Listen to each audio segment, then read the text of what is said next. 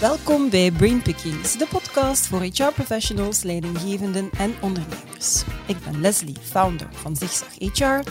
En met Zigzag HR dagen we jou uit om jezelf en je vakgebied heruit te vinden. Abonneer je dus zeker op dit YouTube-kanaal of volg ons op jouw favoriete podcastkanaal.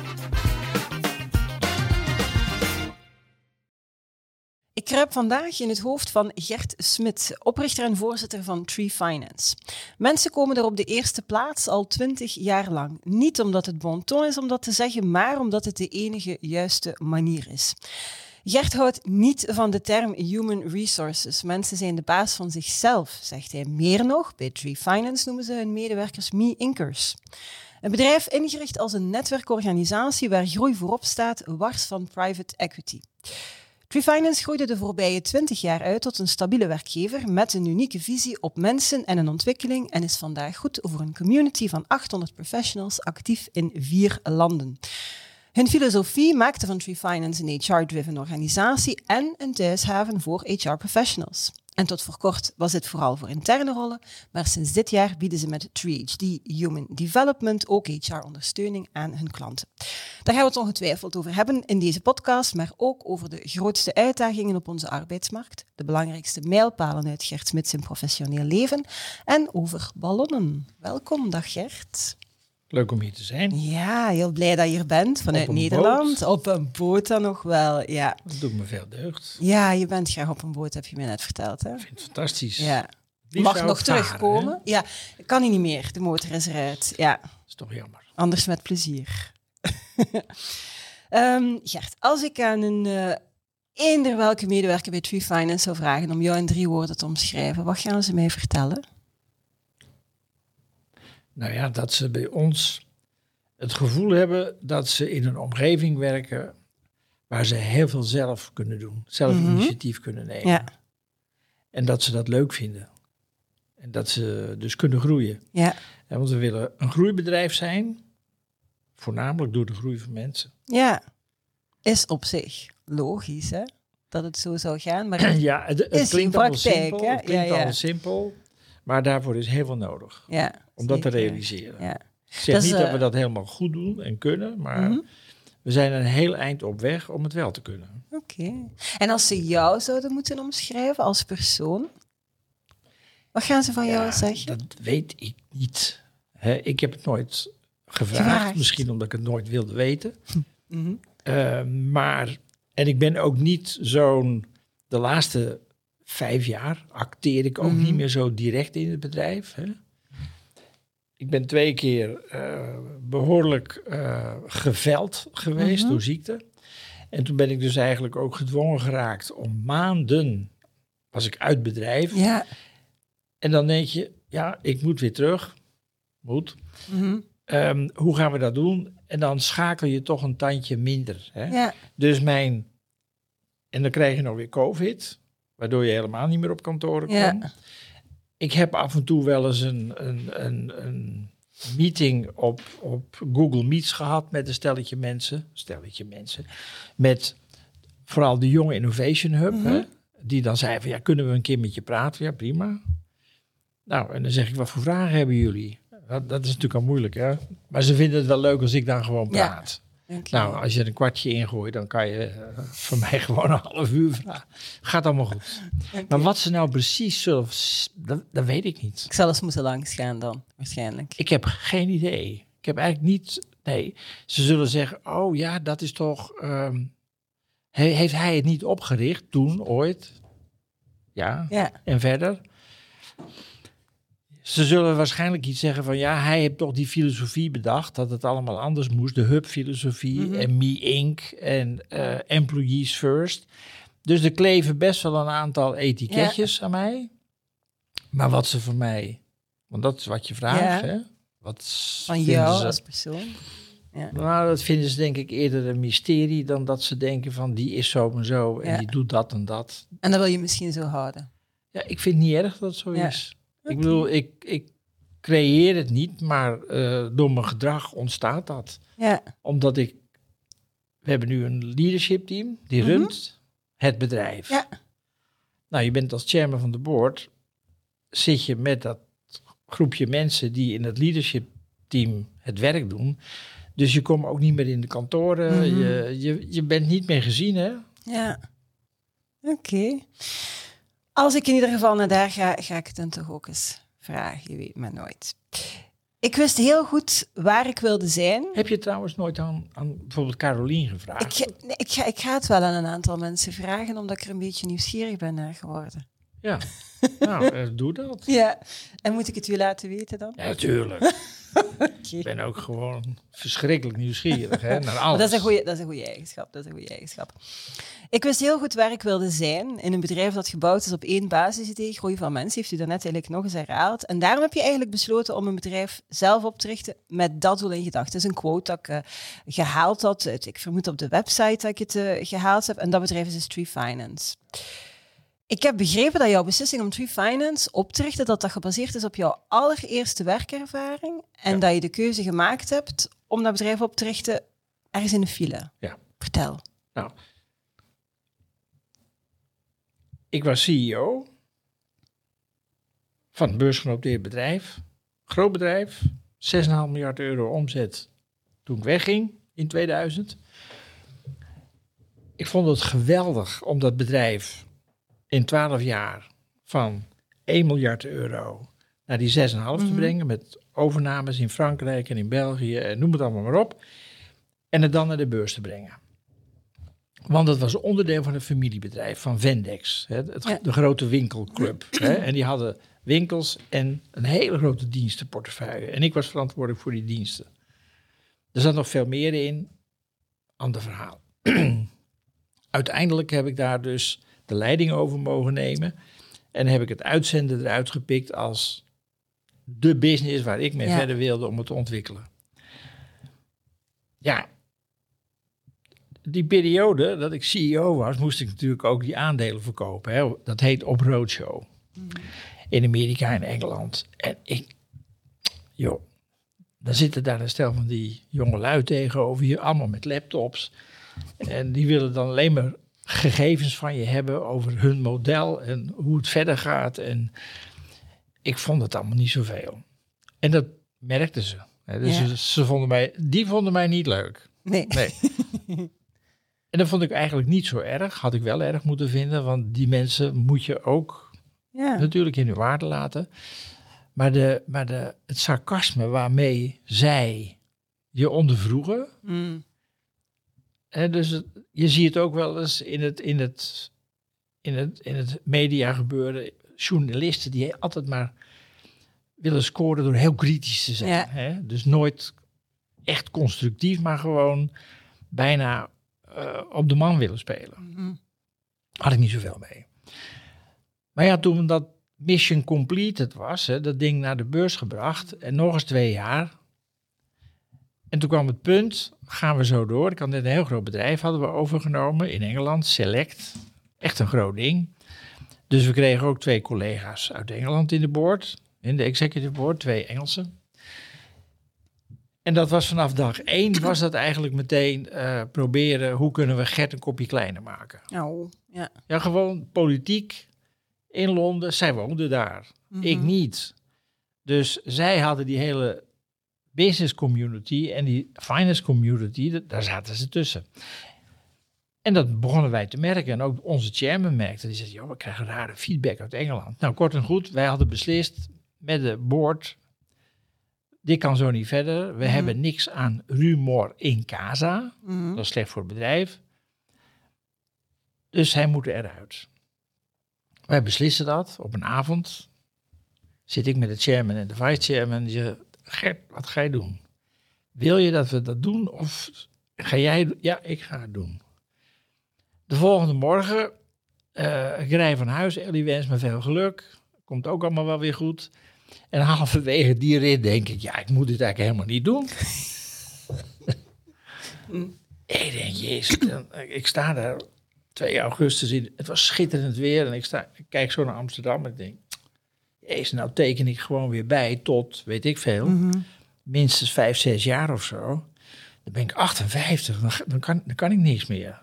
Oh. Ik denk, doe het niet. Dus ik kom op mijn kamertje, krijg mijn kopje koffie.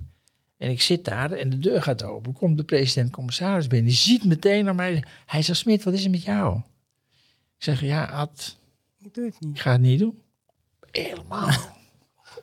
mannen, mannen, woorden. Gisteravond gaat de deur weer open. Komt de vicevoorzitter binnen. Meneer Scheepbouwer van TNT Poort. Hij zegt, wat is hier aan de hand? Ja, die Smit stopt ermee. ja, hij zegt, Scheepbouwer, stop ik er ook mee. Nou, zegt Aad Jacobs. Dat was toen de tijd de CEO van de ING-bank. Die zegt, dan stop ik er ook mee. Ja, maar ik zeg, jullie kunnen er niet met z'n tweeën ook stoppen als ik stop. Ja, jij wel en wij niet. We zijn gekomen omdat jij ons gevraagd hebt. En als jij weggaat, gaan wij ook. Dus toen hebben we die dag, op dat moment ook, werd een beslissing. Hè? In die vijf minuten werd dat een beslissing. Hij zegt, is dit een beslissing? Ik zei, ah, dit is voor mij een beslissing. Nou, voor mij ook. Oh, ze schreef mij ook. Om tien uur gingen we beginnen.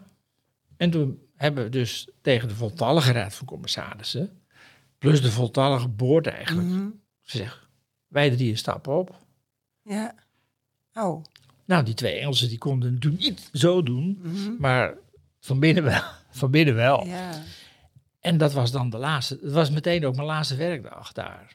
Dus Wel een heb- abrupt einde dan. Ja. ja. Ik heb de hele dag allerlei mensen gebeld. Het was 2 augustus, dus de Spanjaarden, de Ja. Fransen, alles lag op het strand, overal. De Brazilianen, alles. Ja.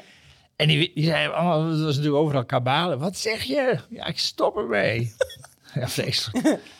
En ik ben s'avonds om tien uur mijn tasje in de auto, de deur uit, de garage uitgereden en weg. En dan had je ruimte om Tree Finance. En dat, ik ben eerst een weekje weggegaan, gaan varen en toen hadden we nog een boot. En dat was geweldig. en toen voelde die beslissing meteen helemaal goed. Ja. En ik kom op de jachthaven om naar de boot te gaan. En dan komt de havenmeester naar me toe. Die had de krant gelezen. En die omhelst me helemaal.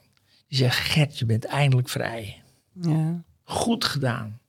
Ik zeg, denk het ook, Piet. Super. Ja. Zeg, wat was dan die eerste werkervaring die dan... Waar, waar, Ik, ik ben gaan... eh, ik, ik, ik wilde per se bij... Ik had drie bedrijven op mijn shortlist. Ik wilde niet zomaar overal werken. Mhm. Ik ging niet achter een baan aan. Ik ging in eerste instantie achter een bedrijf aan. Mhm.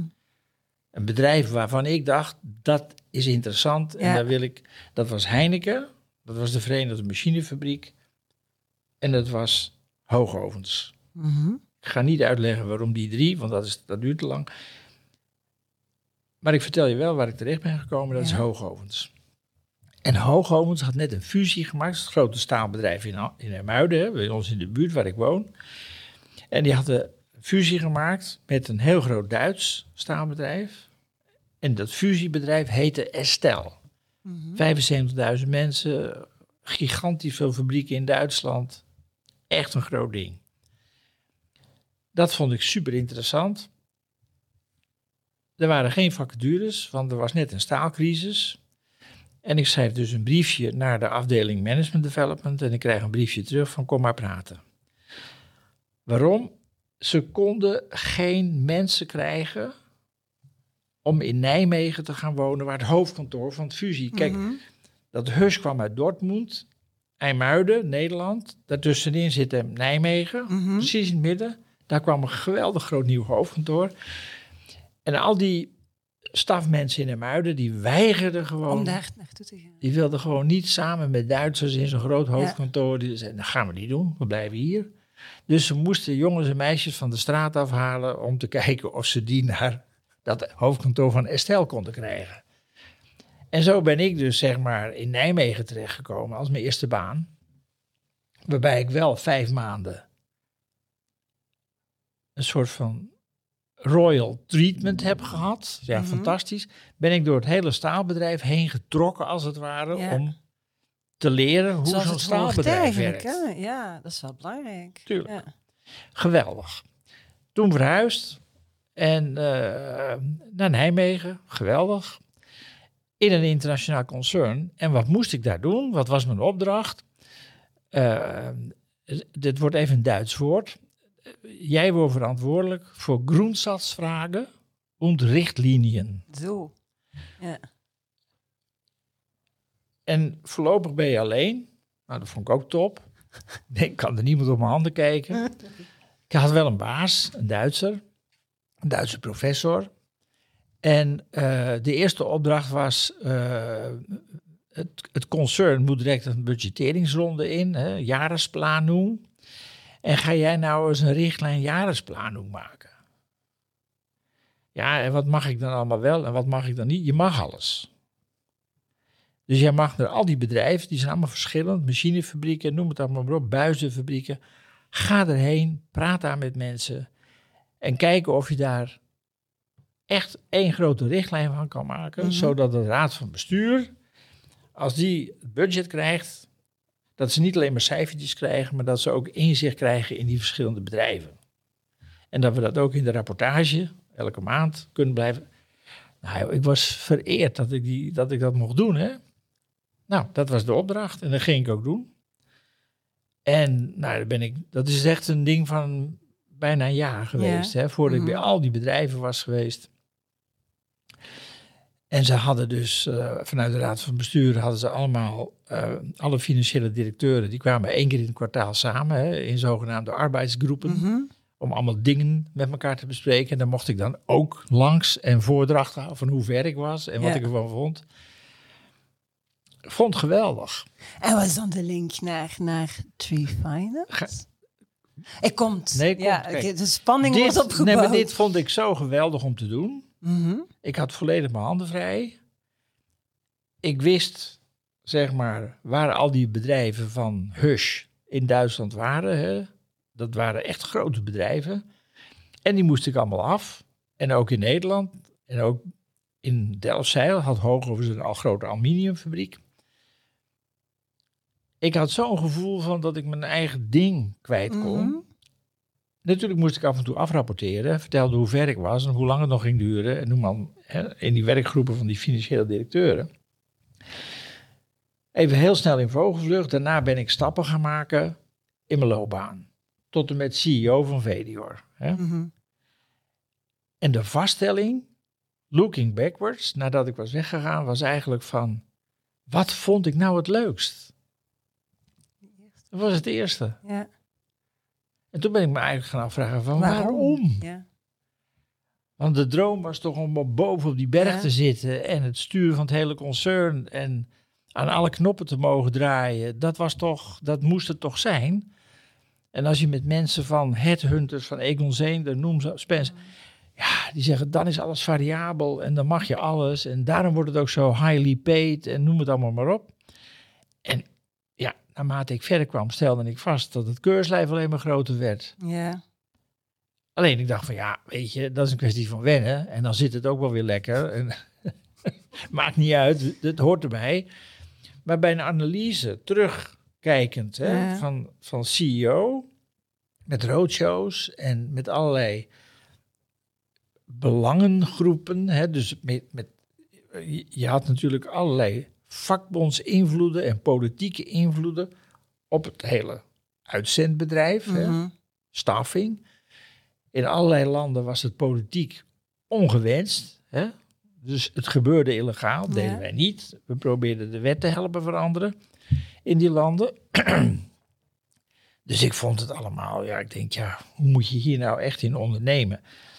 Maar ik goed, ik had mijn kaarten erop gezet en ik wilde dat afmaken. En ik vond het even goed allemaal hartstikke mhm. interessant. Dus ik heb die weg helemaal afgelopen. Eerst binnen het concern waar ik zat, hè, Hoogovens. Daarna bij Vendex. Hè. Ik praat over een periode van twee keer twaalf jaar, zeg 24 jaar. 12 jaar Hoogovens. Estelle eigenlijk. En 12 mhm. jaar uh, bij Vendex. In de raad van bestuur tot en met C. Dat is mijn eerlijke overtuiging geworden dat ik denk, oké, ik ga nu weg. En weet je wat ik ga doen?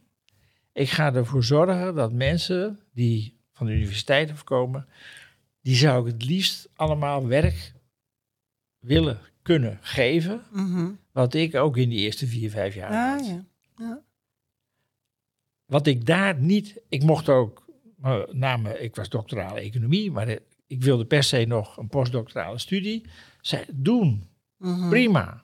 Vrijdag vrij, ga naar de universiteit. Heb ik gedaan. Dus die, ik vond dat super. En ehm, die basis heeft er ook voor gezorgd dat ik die volgende stappen kon maken. Ja.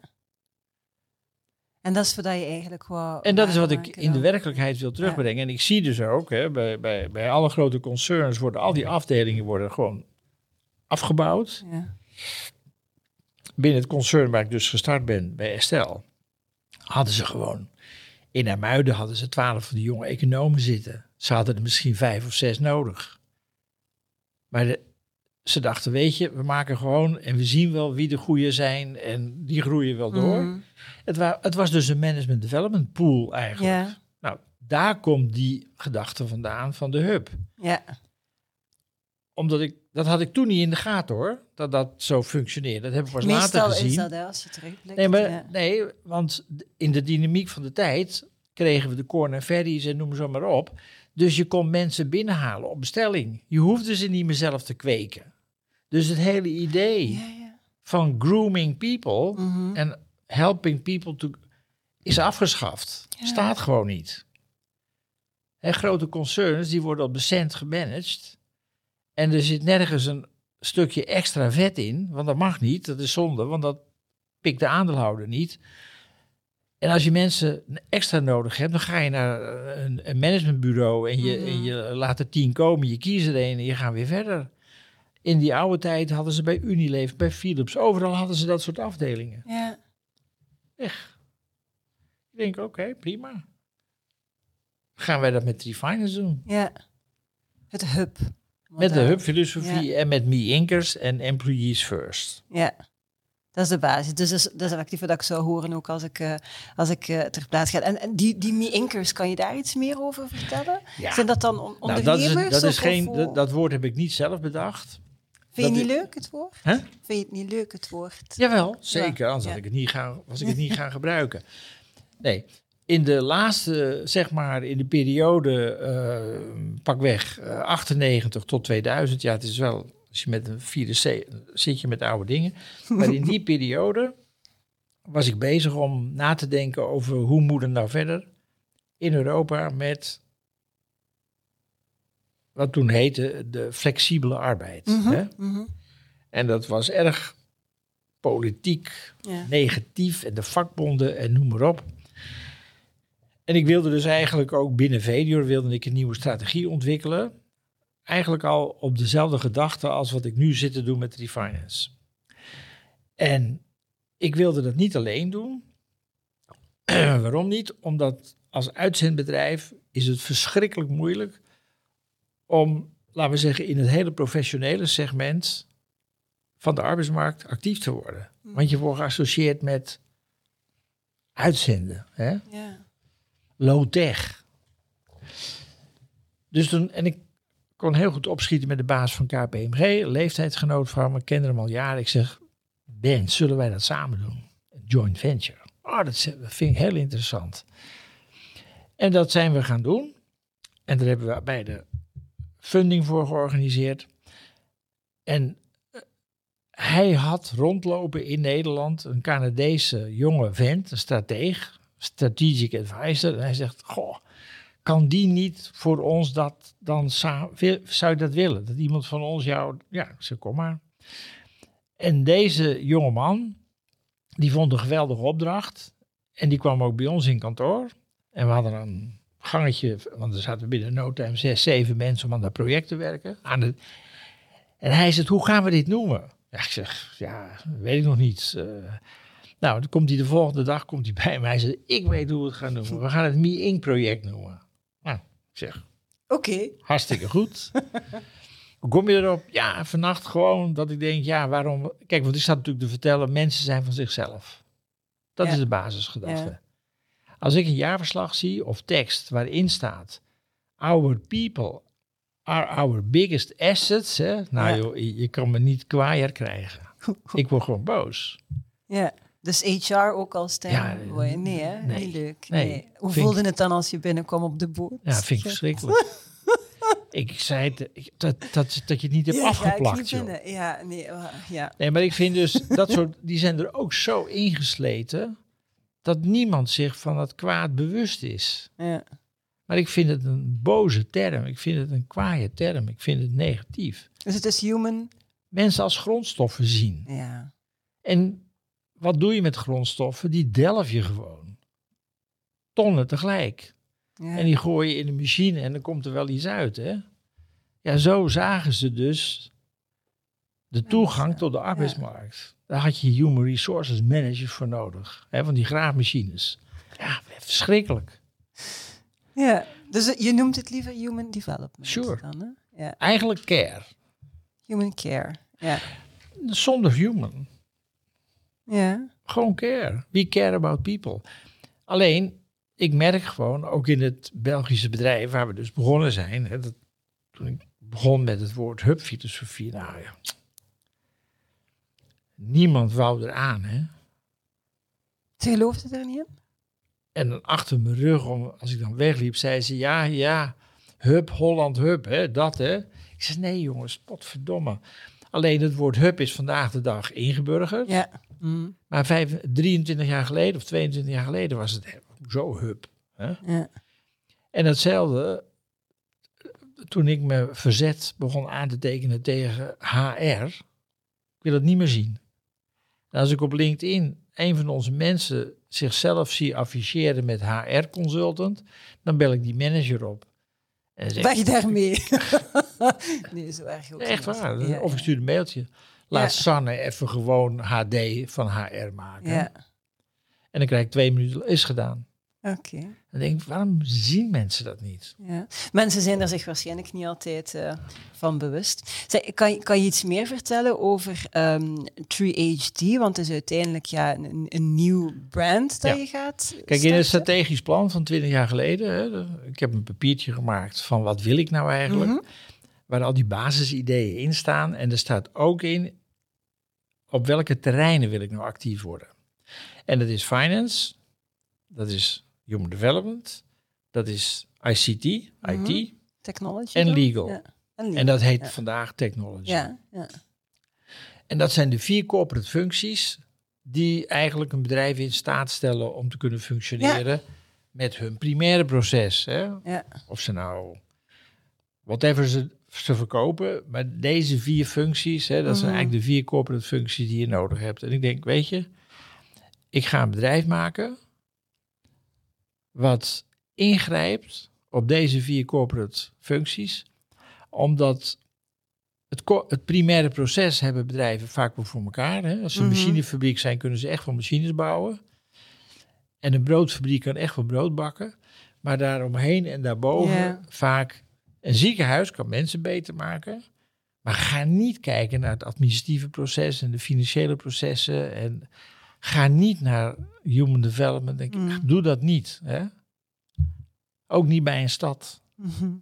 Ook niet bij een gemeente. Dus ik dacht, daar is Daar werk te we, doen. ja. Dat gaan we doen. Oké, helder. Dus we zijn nu twintig jaar onderweg met finance en het werd de hoogste tijd. Maar dan moet er ook iemand opstaan. En Hanne, die me hier naartoe gelokt heeft, die zei van ja, ik wil, eh, kan, wanneer kan ik nou eens een keer met eh 3HD beginnen? Nou, eerst was het natuurlijk 3HR. Nee. Ja, maar de markt dicteert HR. Ik zei nee, de markt dicteert mij niks. Wij dicteren de markt. Ja. nee, zo werkt het niet. Ik zeg, nou, en dat ik zeg, dat ging niet tegen Hanne, want dat, daar Mhm. zit het leadership team tussen. Hè? Nou ja, en dan uiteindelijk wordt het 3HD. Het liefst had ik 3care gedaan. Ja. Maar dat is dan weer, Het wordt geassocieerd met iets anders voor mij. Als je Dat kan me niet eh, schelen. Ja.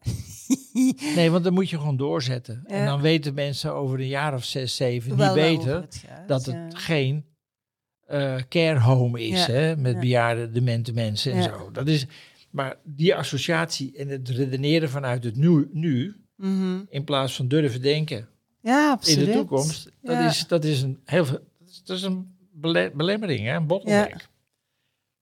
Dus ik heb prijs moeten geven. eh, we gebruiken care intern, Mhm. ook eh, moeizaam. Terwijl ik juist we care about people, dat vind ik ongelooflijk sterk. Maar je kan het als baseline nemen, hè? Ja, maar 3HD. waar? Dat doet niemand. Ik doe dat. Je, kijk, we, we, we hebben expert support units, hè? En daar is er eentje van, care. Maar Mhm. hoe vaak ik nog niet zie dat ze toch HR gebruiken. Ja. Want dan zeggen ze, ja, maar anders begrijpt de markt ons niet. Ik denk blijven volhouden en uiteindelijk gaat. Ja, maar je moet ook durven denken, de markt ja. is verknipt, hè? Ja, absoluut. Wij zijn niet verknipt, die markt is verknipt. Ik heb in ieder geval heel veel spijt van mijn slogan als ik dit verhaal hoor. Wat zeg je? dat ik heel veel spijt heb van de slogan. Want bij Zigzag HR zeggen we echt, it's a great time to be in HR. Maar als ik jouw verhaal hoor... Ja, het is het Alleen ook, je maar human development. Hè? Ja, ja. Ik ga altijd aan u denken elke keer als ik dat verhaal breng. Nou, dat merk ik dan wel, hoor. Ehm, als Gert op de podcast komt, moet je hem vragen naar het ballonnenverhaal. Ze hebben mij dat ingefluisterd. Ja. Ballonnenverhaal. Nou, ik denk dat we in het, in het vierde jaar van T-Finance waren. En in die tijd deden we hele grote events op zaterdagochtend. En dit was een event, eh, hoe noem je dat, rond Brussel. Zo'n heel groot ouderwets soort van koloniaal museum. Eh, Mhm. Tervuren? ja, en hoe heet het officieel? ja. I don't know. Afrika Museum, inderdaad. Juist, Ja. ja. Dank u wel, Nou, Vincent heel, van de goed, heel techniek. goed, heel goed. Blij dat je erbij bent. En daar hadden we een, een hele grote zaal gehuurd voor ons doen, hè, 200 mensen. Want ja, wie zijn wij? En eh, het was om tien uur. En we hadden werkelijk, ik denk in vier dagbladen, de tijd, de noem maar op, hadden we op de achterkant van de woensdag, de donderdag en de vrijdag zo'n grote kleuren ding gezet. Beetje in de trance van kom dat zien, kom dat zien. Hè? Mhm. Eh, zorg dat je erbij bent. Nou, we wisten natuurlijk helemaal niet. Pas vrijdagavond wisten we dat, dat er best wel 100 man zou kunnen Mhm. komen. En er zaten 200 man de volgende ochtend. Ja, geweldig. En het was het meest beroerde weer van de wereld.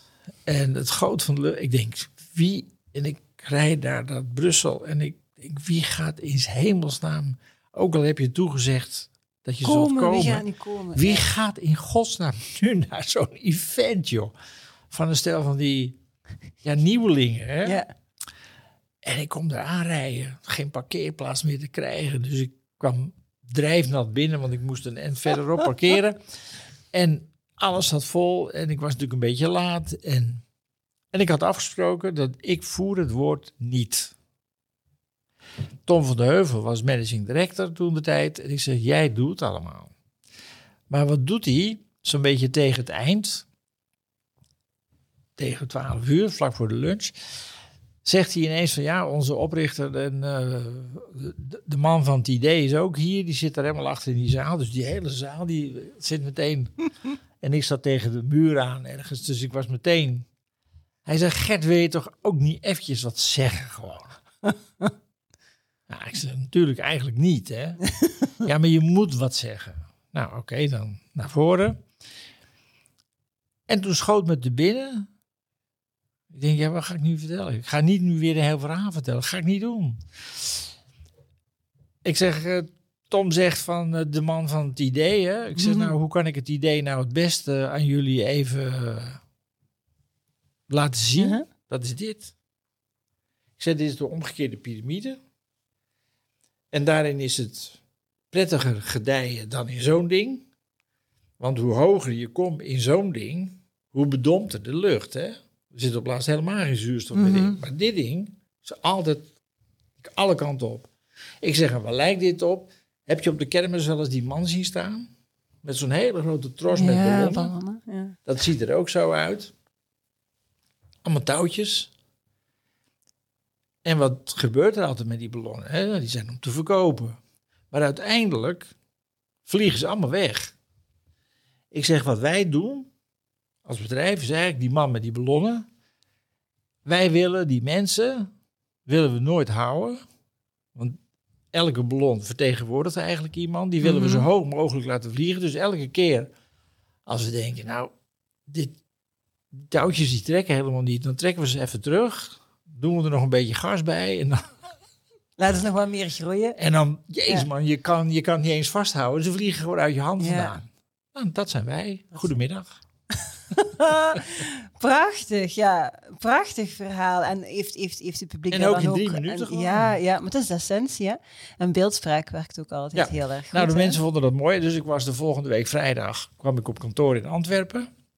En ik loop daar naar binnen en er zitten twee dames in de wachtkamer van pak op 32, 33. En ik doe die deur open. Ik zeg, wat doen jullie hier? Ah, een botte Nederlander zo. Wat doen jullie hier? Ja, wij komen op gesprek bij Walter. Ik zeg, oké. Ik zeg, willen jullie dan hier werken? Ja. Ik zeg, hoezo? Hoe kom je erop? We hebben u vorige week horen praten. Ik zeg, hoezo? Waar dan? Ja, in dat Afrika Museum. Afrika Museum. ik zeg, "Oh, ik heb helemaal... Jawel, die man met de ballonnen. Gewoon puur op het ballonnenverhaal. Ik zeg, meen je toch niet? Ja, Mooi. twee. Ja, Alle twee aangenomen, alle twee top. mooi hè?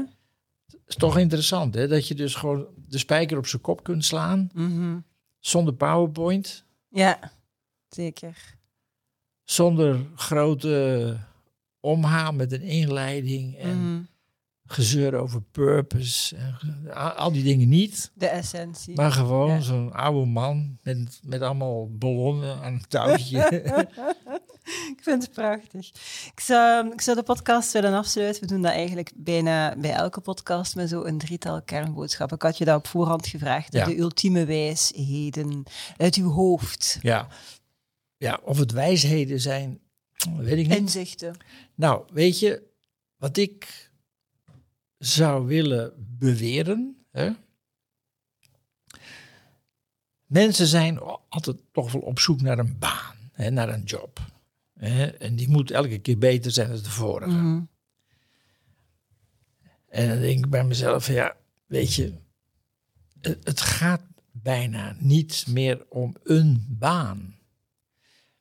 Eh, ik heb het zojuist al even aangestipt. Hè. Ehm, je, je moet heel erg kijken naar bij welk bedrijf, Ja. bij welke organisatie, waar wil je werken? En wat zijn de kenmerken van die organisatie? Want je gaat niet voor die baan. Die baan is maar een beginpunt van iets waarvan Mhm. je hoopt dat je iets heel belangrijks, namelijk je ambitie, kwijt kunt. Mhm. En die kun je maar heel tijdelijk in een baan kwijt. Ja. Want als je jong bent, ja, dan duurt het al machtig lang voordat je de volgende stap mag maken. Hè? Want die moeten binnen een jaar zijn. En dan weer een en dan weer een. Ja, waar wordt dat geboden? Bedrijven die halen opgelucht adem als ze weer iemand op een baan hebben zitten. En dan moet je verder niet meer zeuren. En dan moet je lekker blijven zitten. En dan komen er wel een paar salarisschalen van 5% of weet ik veel wat. En dat is niet wat je wil. Dus als je op zoek bent naar werk wat jou past, dan is eigenlijk de job die je past, is maar een beginpuntje.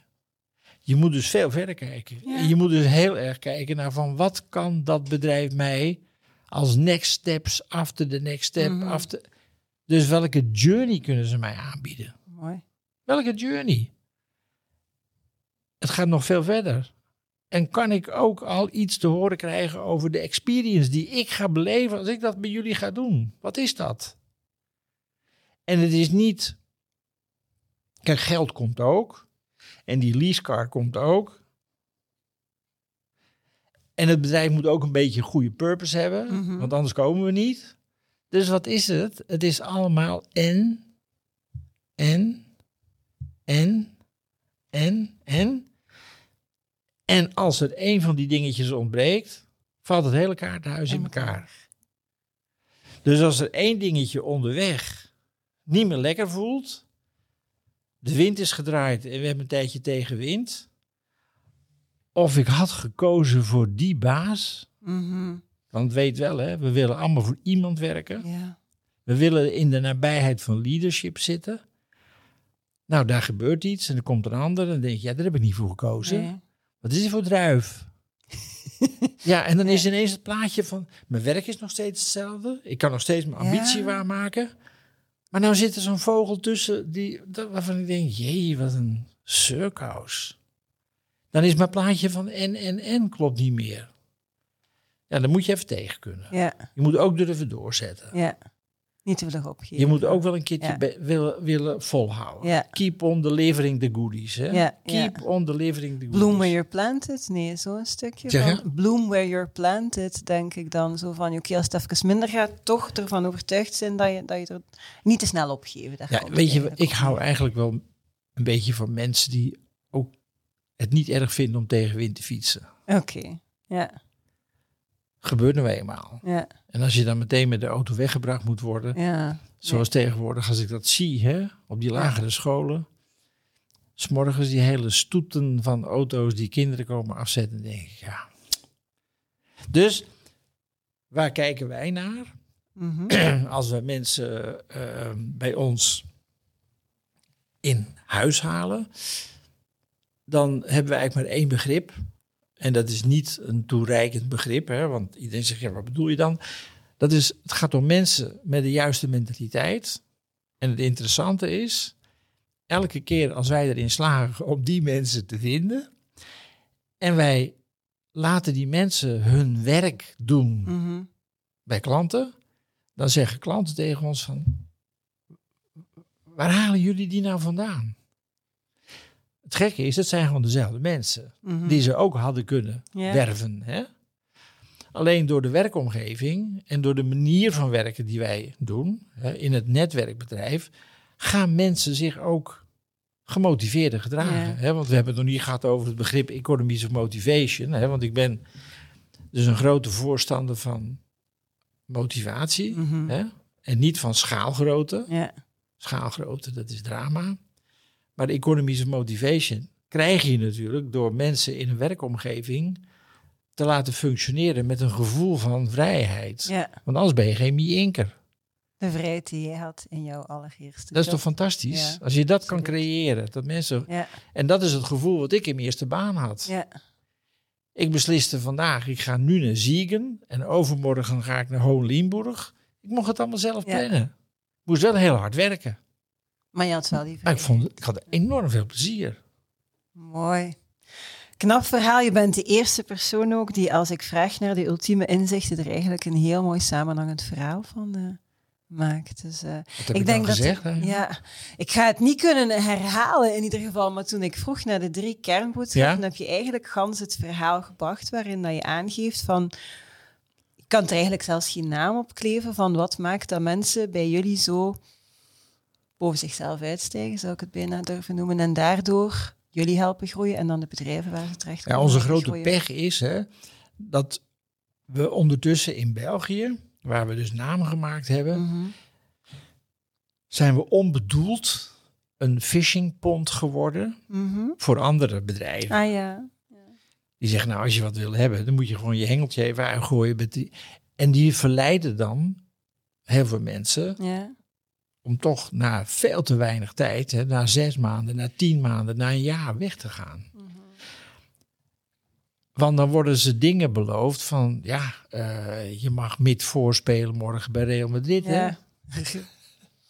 Zijn mensen, als er mensen zijn die op die korte termijn zich zo laten verleiden, dan zijn niet de juiste mensen om Ja, te werken, maar- toch? Wij moeten dus dan nog beter recruteren, omdat ik vind het elke keer gewoon, kijk, de hubfilosofie moet dat ook in, dat, Mhm. staat, dat, dat staat dat niet in de weg. Hè? Dat is Mhm. juist mensen komen en gaan. Maar ik zie nu wel dat onze verblijfsduur, die vind ik gewoon veel te kort. Ja, En ik vind ook dat mensen bij ons veel meer zouden kunnen leren als ze gewoon wat langer blijven. Maar dan moeten ze ook Ja. bereid zijn om in die eerste 1 à 2 jaar, tegen de wind te fietsen. moeten ze dat stukje te- heel goed dat je me even helpt. Ja, nee, maar dat is gewoon zo. Ja, ja. Mooi. Tegen wind fietsen is een, dat, dat werkt vormend. Ja. Goed, ik kan dat tegen mijn dochter ook zeggen als ze naar de tennisles gaat dit weekend, doen. want die wilde ook altijd gevoerd worden. En ze is al 16. Vooral als het regent. Ja. Super. Eh, Volgens mij, Gert, zit er nog minstens één of twee of drie podcasts in jou en nog minstens één of twee boeken. Maar ik denk dat we het hier kunnen Ja. eh beaffen. Ik denk dat het verhaal van de ballonnen in België ook wel ingang zal vinden. Dus eh, ik wil je daar heel hartelijk voor bedanken. Ik vond het heel fijn om in, om in jouw hoofd te kruipen. En ik ben heel blij dat je tot in Gent bent gekomen. ik vond het heel leuk. En ik vond het heel aangenaam zoals je mij hebt kunnen laten praten. Mhm. Met toch een, hoe zal ik het zeggen, met een zekere... Je had wel de leiding, hè? Je ging wel mij de weg wijzen van waar je me wilde hebben. Nou, je hebt me gekregen waar je, wil, waar je wilde. Hè? Dus, uh, Schitterend. Nee, prima. Dankjewel. dankjewel. Bedankt voor het fijne gesprek. Dankjewel ook uh, aan jullie om te kijken of om te luisteren. Vond je deze podcast fantastisch? Vertel dat dan natuurlijk aan zoveel mogelijk mensen verder. Heb je honger naar meer? Weet dan dat er nog heel veel afleveringen te bekijken of te beluisteren zijn op ons YouTube-kanaal of via jouw favoriete podcastkanaal. Het allerbelangrijkste, ik zou zeggen, it's a great time to be in HR, maar dan gaat er iemand heel boos worden. Dus it's a great time to be in human development of care. Tot de volgende.